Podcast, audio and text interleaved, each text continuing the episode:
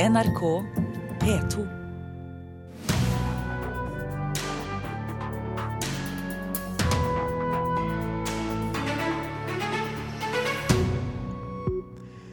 Tre års arbeid med Sørbråten som 22. juli-minnested kan være forgjeves, men utgiftene vil fortsette å løpe.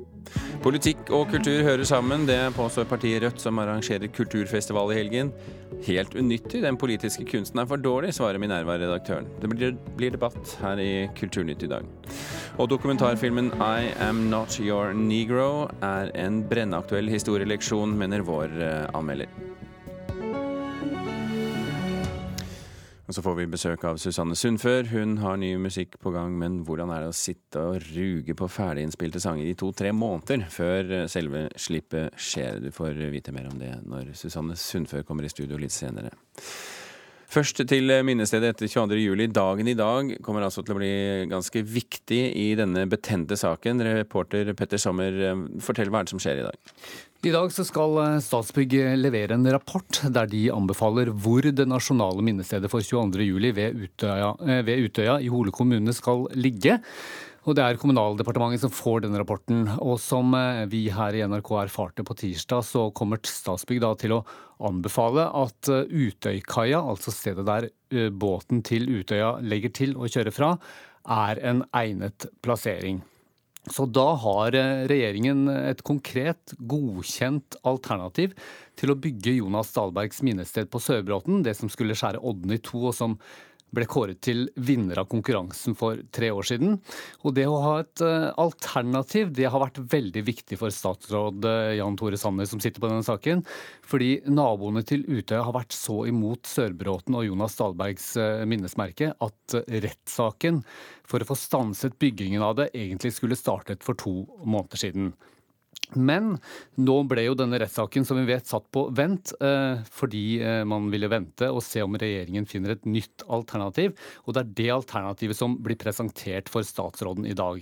Men det store paradokset her er jo det at naboene heller ikke liker det nye alternativet, altså Utøykaia, og sa til NRK tidligere denne uka at det blir rettssak uansett. Eller det vil si, om regjeringen flytter minnestedet vekk fra vannkanten og opp på en høyde litt lenger unna Utøya, Utøya, så er det greit, sier naboene. Ok, Da har vi bakgrunnen eh, for det, Petter.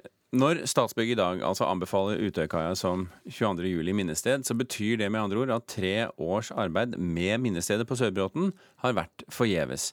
Minnestedet skulle i utgangspunktet stå ferdig 22.07.2015. Men byggingen kom aldri i gang, og utgiftene har da løpt siden. Og de utgiftene kan bli stadig større, for kontraktene inngått med kunstner Jonas Dahlberg og grunneier på Sørbråten, de står fast. Det som i hvert fall er klinkende klart, er at Statsbygg kan ikke komme seg ut av den kontrakten nå uten videre. Mener både jusprofessor Sverre Blandhol ved Universitetet i Oslo og andre jurister NRK har vært i kontakt med. Det de prater om, er kontrakten Statsbygg har inngått med grunneieren i Hole.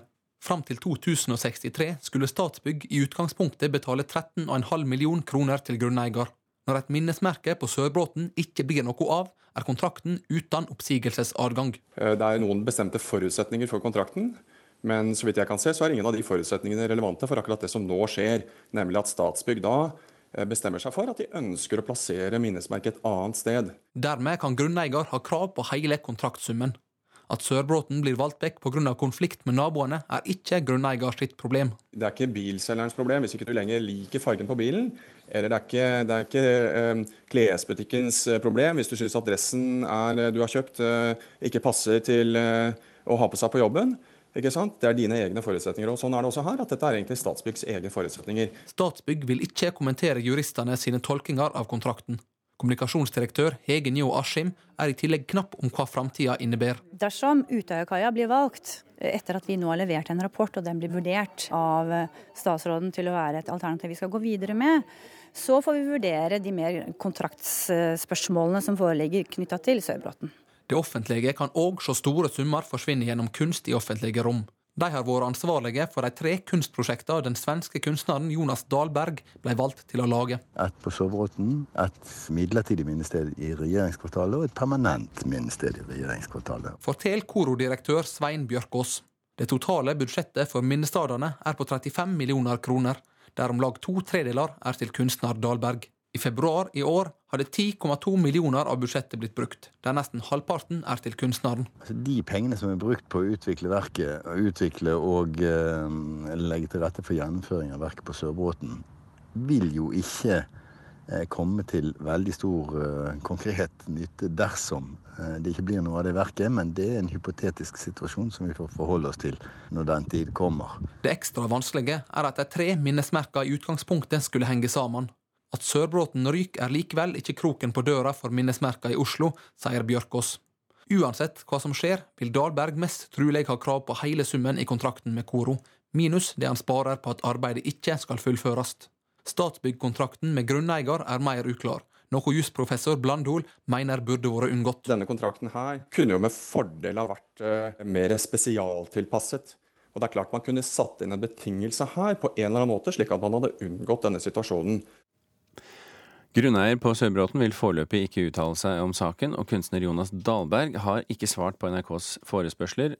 Reportere i denne saken var Hans Olav Riise og Mathias Rolige Bergseth.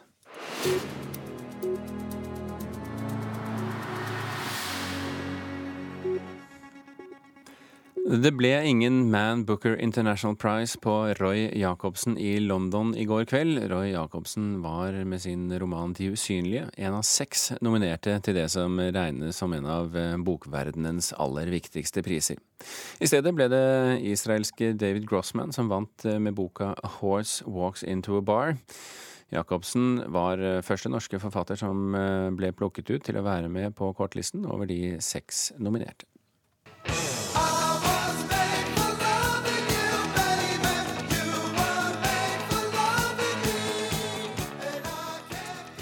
Ok, Nå en liten eh, kroppslig øvelse for våre lyttere der hjemme. Hold hånden foran deg med håndbaken mot deg, fingrene ut, og strekk så langfingeren og ringfingeren ned mot håndflaten.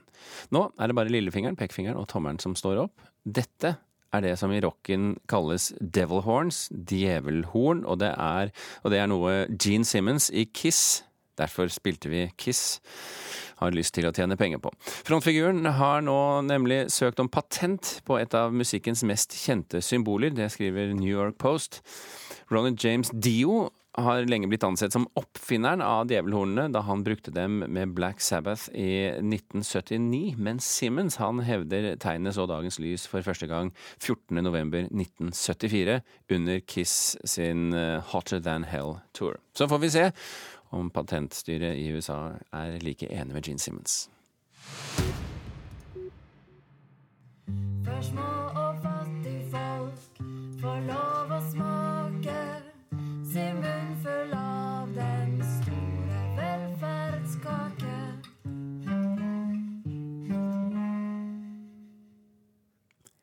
Til helgen, altså på lørdag, så arrangerer partiet Rødt sin egen festival Pop-Venstre. For kultur og politikk hører sammen, slik vi hører eh, her, eller kunne høre her, i visegruppa Åne Sorg. Eh, noen av de som skal opptre på denne festivalen. Det er ikke særlig grunn til å ta kunsten på alvor slik den er i dag, mener derimot Minerva-redaktøren. Eh, likevel vil altså Rødt ha mer kunst og kultur inn i valgkampen over sommeren. Og Marie Sneve Martinussen, nestleder i Rødt og arrangør av festivalen Pop-Venstre, velkommen til Kulturnytt. Tusen takk. Hva er grunnen til at dere i Rødt lager en festival festival for politikk og kultur? Vel, Popvenstre det er en festival vi arrangerte for første gang i fjor. Og så gjør vi det på nytt i år, på lørdag 17.6 i Cubaparken. Og det er en festival for politikk, kultur og for de folkelige bevegelsene. Og Grunnen til at vi starta å jobbe med dette prosjektet, det er det at vi mener at det er et problem at politikken i stor grad er definert av sånne mennesker som meg sjøl eh, og Nils August her, som er ganske kulturelt lik, som liker å gå på frokostmøter, konferanser, saksbyråer, rapporter, sånne ting. Eh, og at eh, det er et demokratisk prosjekt å åpne politikken opp for flere. Og for å få til det, så tenker vi at en festival kan være bra, og at kulturuttrykk og kunst formidler politiske budskap og budskap om virkeligheten på en annen måte, på en kanskje mer direkte måte, som er eh, interessant for flere. Og Derfor så arrangerer vi denne festivalen. Det er Rødt som er hovedarrangør, men vi samarbeider med Klassekampen, Manifest, LO i Oslo, Fagforbundet Oslo og en del uavhengige kulturinstitusjoner i Oslo. Nils August Andresen, ansvarlig redaktør i Minerva. Også korsanger og hobbyorganist. Velkommen til deg også. Jeg er også bassist, bare så det er sagt. Du har også bassist. kulturtingene på plass her. Ja, ja, nei, det, det, rett skal være rett. Eh, Andresen, eh, dette høres jo ut som eh, fornuftige eh, aspekter ved mm, politikken, det, å bringe litt kultur. Er du enig? Eh, Det kan være fornuftig. eh, Og det fins god politisk kultur. Og jeg er forstått enig i at eh, kronikkoffentligheten kan være snever. Men jeg har en, en, del kritiske eh, syn på det også. Én ting er at eh, de menneskene som kommer på denne type festivaler, med, liksom, med svenske samfunnsdebattanter som Åsa Lindeborg eller tegneserier om Rosa Luxemburg, det er nok litt det samme element, segmentet med mennesker som kunne gått på frokostmøter. Det er ikke, liksom, det er ikke arbeiderne fra Raufoss som tar bussen til Oslo for å å gå på dette. Det er den ene siden av det.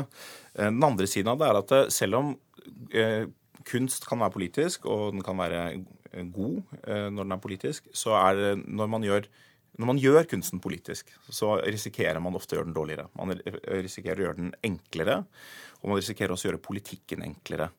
Og Vi har sett en del eksempler på det i Norge de siste årene. I Minerva har vi anmeldt en del teaterstykker som har eh, prøvd å skrive om kapitalismen, om, eller å snakke om kapitalismen og om innvandringsproblemene og sånn, og som etter vårt syn i hvert fall ender opp med å måtte gjøre de problemene mye enklere enn når f.eks. politikere snakker om det. Det er ikke sånn at kunstnerne på en måte er dype og reflekterende og, og nyanserende og gjør ting mer komplekst enn politikerne gjør det. Snarere så er det sånn at de lever inne i bobler. Veldig mange av dem er venstreradikale. Derfor er de sikkert glad for popvenstre hos Rødt. De lever inne i sine egne bobler og evner i liten grad egentlig å reflektere rundt spørsmålene. Er, er ikke dette et eh, problem, uh, Martinussen, at man at en sånn festival egentlig bare rekrutterer folk som er enig i hva en sånn festival skal eh, komme med av budskap? Jeg må jo først eh, kommentere det med at eh, man mener at kunstnere ikke er reflekterte og intelligente. Og da syns jeg det er litt sånn kanskje elitistisk å påstå at politikere er dem som på en måte forstår verdens beste, og som er intelligente og han sa vel ikke intelligente, det var jo en Jeg sa at det blir lite intelligent debatt hvis det ikke er politikere som har den debatten. Jeg synes Det er en veldig udemokratisk måte å se politikk på. Jeg mener jo at politikk er noe som alle i Norge skal være med og diskutere. Både kunstnere og bussjåfører og sykepleiere. Og denne festivalen den gir jo eh, både ordet til en del andre folk enn vi hører til vanlig. Eksempel har vi veldig få politikere på dette programmet. Vi har representanter fra folkebevegelsene, altså fra miljøbevegelsen, fagbevegelsen, kvinnebevegelsen, og så har vi eh, kunstnere og kulturutøvere som også kommer til ordet. Eh, og veldig, veldig få politikere, faktisk. Og jeg tror jo at det er bra for politikken å åpne opp. Og så syns jeg det er veldig unaturlig å skulle definere en sånn dette er politisk kultur eller dette er politisk kunst, og her er det ikke. Fordi For meg så er jo egentlig all kultur på en eller annen måte politisk. Det er fall veldig vanskelig å tegne grenser for hvor politikken Kommer litt an på hvilke briller man ser med, antagelig. Eh, replikk. Ja, altså, jeg, jeg trenger ikke å overdrive forskjellene. Jeg er forstått enig i at eh, all kunst i en viss forstand eh, er politisk. Jeg kan nevne eksempler på det jeg vil si som venstrelenende kunst, som eh, har nådd massene de siste årene, som er kjempepolitisk. F.eks. TV-serien The Wire, som tar opp eh, bl.a. narkotikaproblemer og klasseproblemer i, i eh, USA. Eh, men som først og fremst er kunst. Altså Man skriver ikke først og fremst eh, fordi man skal fremme en politisk doktrine, men man skriver fordi man ser et eller annet i verden som man eh, tar opp. Jeg er ikke en, uenig i at eh, god kunst kan være veldig politisk, men det som jeg er kritisk til, er når man gjør det til et program. eh, Og det på en måte dominerer overfor det, for det eh, kulturelle. Og det, og det er et kunstsyn. Uh, Jeg er enig i at kunstnere selvfølgelig skal diskutere politikk, men hvis de gjør det gjennom kunsten sin som propaganda, så blir det veldig ofte dårlig. Og det har vi sett mange eksempler på. Det betyr ikke at alt er sånn, men vi har sett ganske mange eksempler på det de siste årene. Jeg mener ikke at det er noe vi trenger å oppfordre til å gjøre mer av. Kort replikk, Martinussen. Altså Hvis man ser på programmet for denne festivalen, så mener jeg at vi ikke har tatt eh, kapittel fire i Rødt sitt arbeidsprogram og funnet kunst som passer til det. Vi har funnet eh, folk som har eh, formidla en del ting. Eh, vi har bandet Rassika, som mener formidler en del veldig gode feministiske synspunkter i sin musikk. Vi har eh, forfatter Jan Kristoffer Dale, som akkurat har fått Tarjei Vesaas debutantpris for sin novellesamling. Veldig god litteratur som jeg syns er fornuftig å få med seg. Jeg skulle gjerne hørt deg lese opp hele programmet, men vi rekker ikke det her, Martinussen. Eh, Ja, nei, spørsmål til slutt eh, til deg, Andresen. Kommer du til å delta på denne festivalen? Eh, Jeg er ikke festivalmenneske, jeg er nok mer sånn eh, frokostmøtemenneske. Men hvis jeg blir eh, spurt om å sitte i et panel, så kommer jeg selvfølgelig. Du kan få diskutere på gressplenen. Nils Augustan eh, Andresen, eh, ansvarlig redaktør i Minerva, og Maria Sneve Martinussen, nestleder i Rødt. Tusen hjertelig takk for at dere kom til Kulturnytt. Klokken eh, passerer snart 18 minutter over åtte. Du hører på Kulturnytt, og dette er toppsakene i Nyhetsmorgen nå. Det er eh, fortsatt uklart om eh, hvor mange som mistet livet i storbrannen i London. Det er frykt for at tallet kan bli langt høyere enn de tolv omkomne som er bekreftet til nå. I USA blir president Donald Trump etterforsket i forbindelse med den mulige russiske innblandingen i presidentvalget. Det skriver avisa Washington Post. Og helsetjenestene for eldre er ikke like for alle. På Helgeland er det dobbelt dobbelt så vanlig å sette inn pacemaker som i Stavanger. Det syns forskerne er merkelig. Dokumentarfilmen I Am Not Your Negro har eh, kinopremiere på fredag, altså i morgen. Den omhandler kampen mot rasisme og undertrykking i 1960-tallets USA, fortalt gjennom forfatteren James Baldwins tekster. NRKs filmkritiker Birger Vestmo syns at dette er en gnistrende god og brennaktuell historieleksjon. If any white man in the world says, give me liberty or give me death, the entire white world applauds. When a black man says exactly the same thing, he is judged a criminal and treated like one, and everything possible is done Dokumentarfilmen I Am Not Your Negro er en rasende og reflektert observasjon av afroamerikaneres kamp mot rasisme og undertrykking, fortalt gjennom en som deltok sjøl i den amerikanske borgerrettsbevegelsen på 1960-tallet. Filmen er basert på forfatteren James Baldwins uferdige bok Remember This House, og viser grøssende effektivt hvor aktuelle Baldwins tanker og meninger fremdeles er, flere tiår etter at de ble nedskrevet. Derfor er I Am Not Your Negro en brennhet, kampvillig dokumentar som man vanskelig kan stille seg likegyldig til. The story of the Negro in America is the story of America. It is not a pretty story. James Baldwins bok ble påbegynt i 1979 og skulle egentlig være ferdig i løpet av et års tid, men bare 30 sider ble skrevet. Hvorfor han aldri fullførte arbeidet, er ikke kjent. De her 30 sidene som regissør Raoul Peck har fått tilgang til, sammen med andre brev og tekster, inneholder sterke minner, betraktninger og refleksjoner om borgerrettskampen, fortalt gjennom drapene på tre av bevegelsens sterkeste personligheter, nemlig Medgar Evers, Malcolm X og Martin Luther King jr., som alle var venner av Baldwin. There are days when you wonder what your role is in this country and what your future is in it. I Am Not Your Negro er en gnistrende god dokumentarfilm som på forbilledlig vis levendegjør 1960-tallets borgerrettskamp og setter den inn i en moderne kontekst som gjør det åpenbart at kampen ikke er over. Regissør Raoul Peck gjør smarte valg, som å kryssklippe Baldwins sterke appell i 1963 om moralsk apati og hjerteløshet, til bilder av unge sorte menn drept av politiet på 2010-tallet. I andre deler av filmen ser vi bilder fra opprøret i Ferguson i 2014 og Black Lives Matter-protestene etterpå. Som publikummer blir man konfrontert med egne synspunkter på hva som skjer nå, sidestilt med James Baldwins syn på århundrer av undertrykking av USAs sorte befolkning. Derfor er I Am Not Your Negro en brennaktuell historieleksjon. We were trying to keep alive. We were trying to survive a system. The nigger has never been happy in his place. I Am Not Your Negro ble anmeldt av Birger Vestmo.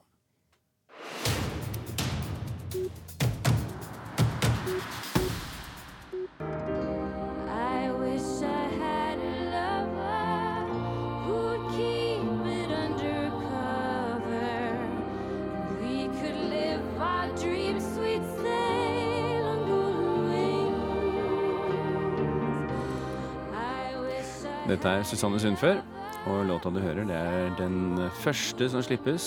Ble sluppet forrige uke fra hennes nye album. Låta altså. Albumet kommer i august. Velkommen til Kulturnytt, Susanne Sundfør. Takk, veldig fint å være her. Hvis du tar og beveger mikrofonen din litt lenger ned, så ser jeg også øynene dine over. ja, jeg sånn. ligger litt sånn her. ja. Litt tidlig på morgenen, dette her for meg. Ja, men... Uh... Eller egentlig fordi uh, jeg er trøtt fordi jeg våkna halv seks i morges. Ja. ja. Er det fordi du skal spille på Norwegian Wood, og yep. du begynner å forberede deg? Ja. Da skjer det mye oppi hodet. Hva er det som skjer oppi hodet da? Um, alle detaljer skal på plass, og jeg er veldig, uh, er veldig nøye på, på, de tingene. Så da jeg tenker på det. Og så tenker jeg nå er det veldig viktig Når jeg skal legge meg, så tenker jeg nå er det veldig viktig at du sovner. Fordi det er veldig viktig at uh, du er uthvilt i morgen. Mm. Og så blir jeg stressa over det, og så så klarer jeg ikke å sovne, og så våkner jeg tidlig. Det er bare typisk. Men når du sier du er veldig opptatt av detaljer, er du opptatt av de detaljene som bare dreier seg om deg selv, eller resten av bandet og, og sceneteknikere og alt mulig rart? Uh, nei, jeg er opptatt av uh, alle de detaljene også. Men uh, jeg jobber med fantastiske musikere. Og jeg vil veldig gjerne at de skal ta plass, da. At de skal få lov til å føle at uh, de er en del av musikken. Mm. Det er veldig viktig for meg, da. Ellers så blir det bare kjedelig. Ikke sant. Du, Vi hørte litt av denne nye låta di, 'Undercover', som har kommet ut. Ja. Den hører til et album som ikke ja. kommer ut før i august. Ja. Kommer folk til å få høre de låtene på konsertene du skal holde i sommer? Ja. Jeg har faktisk spilt uh, uh, mer enn halvparten av det nye albumet live Eh, eller på konserter i et år. Jeg mm. spilte det i fjor sommer også. Men hvordan er det da å sitte og ruge på dette albumet? Eh, nei, det er jo litt eh, Det er litt eh, kjedelig, men også litt spennende, da. Eh, men eh, Hvordan spennende, da? Nei, jeg vet ikke. Det, det, er jo alltid spennende å gi ut ny musikk, og jeg vet jo ikke hvordan folk reagerer, og det er vel det det handler om. Men siden du nå har spilt den på konserter, så vet du jo litt om hvordan folk reagerer? Ja, men det er litt annerledes å spille en låt for første gang for noen eh, på konsert eh, og, og, gi ut et album, egentlig. Eller jeg vet ikke. Det er vanskelig å forklare. Men eh, da jeg ga ut eh, eh, den forrige platen, 'Ten Love Songs', da måtte jeg vente et år. Det var litt eh, vel lenge. Mm. Så det går, det går fint denne gangen, for å si det sånn. Eh, det er altså Norwegian Wood, og så skal du spille litt grann, eh, noen konserter videre i sommer. Eh, ja. Og så er det vel en lanseringsturné til høsten. Har du begynt å miste nattesøvn pga. den også? Uh, uh, ja. Så du nå etter produsenten din her yep. utenfor for å få bekreftet at du skal på turné? Nei, men det Det er liksom noen ting jeg skal snakke om, og noen ting jeg ikke skal Og nå ser jeg bare på meg himle med øynene.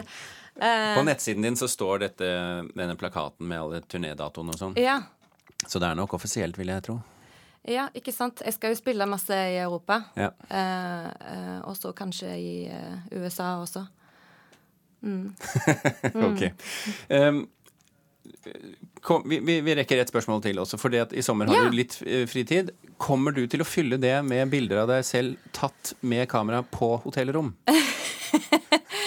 Eh, jeg tror kanskje jeg er ferdig med, med, det prosjektet nå. Men det er jo en del av, um, um, av albumet. Uh. Bilder som, som jeg har tatt. Som, av meg sjøl og av eh, steder som jeg har reist Så det blir reist, bilder i tillegg, lansering ja. av bilder på sett og vis i tillegg til uh, musikken? Mm. Mm. Det gjør det. Jeg er spent på hvordan det blir når det en gang kommer. I mellomtiden så får vi benytte anledningen til å høre på det som kommer på radio og eh, konsert. Susanne Sundfør, vi bryter av der for å snakke om en sambygding av deg. Hvis vi strekker strikken litt eh, langt. Vi kommer tilbake eh, til, eh, til, det.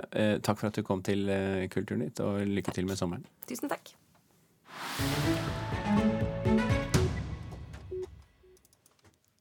Stavanger kunstmuseum tar i bruk 3D-briller og nye mobilapper for å lokke ungdom til tidenes største mønstring av eh, Kitty Kielland sin kunst.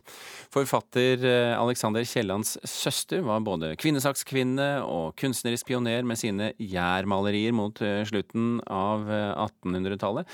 I morgen åpner en ny utstilling som skal gjøre henne levende for nye generasjoner. Nå står han bra på nesen. Så skal litt opp sånn. Slik høres det ut når jeg som reporter får teste en avansert 3D-brille i utstillingssalen ved Stavanger kunstmuseum. Ok, hvis du nå kikker deg rundt.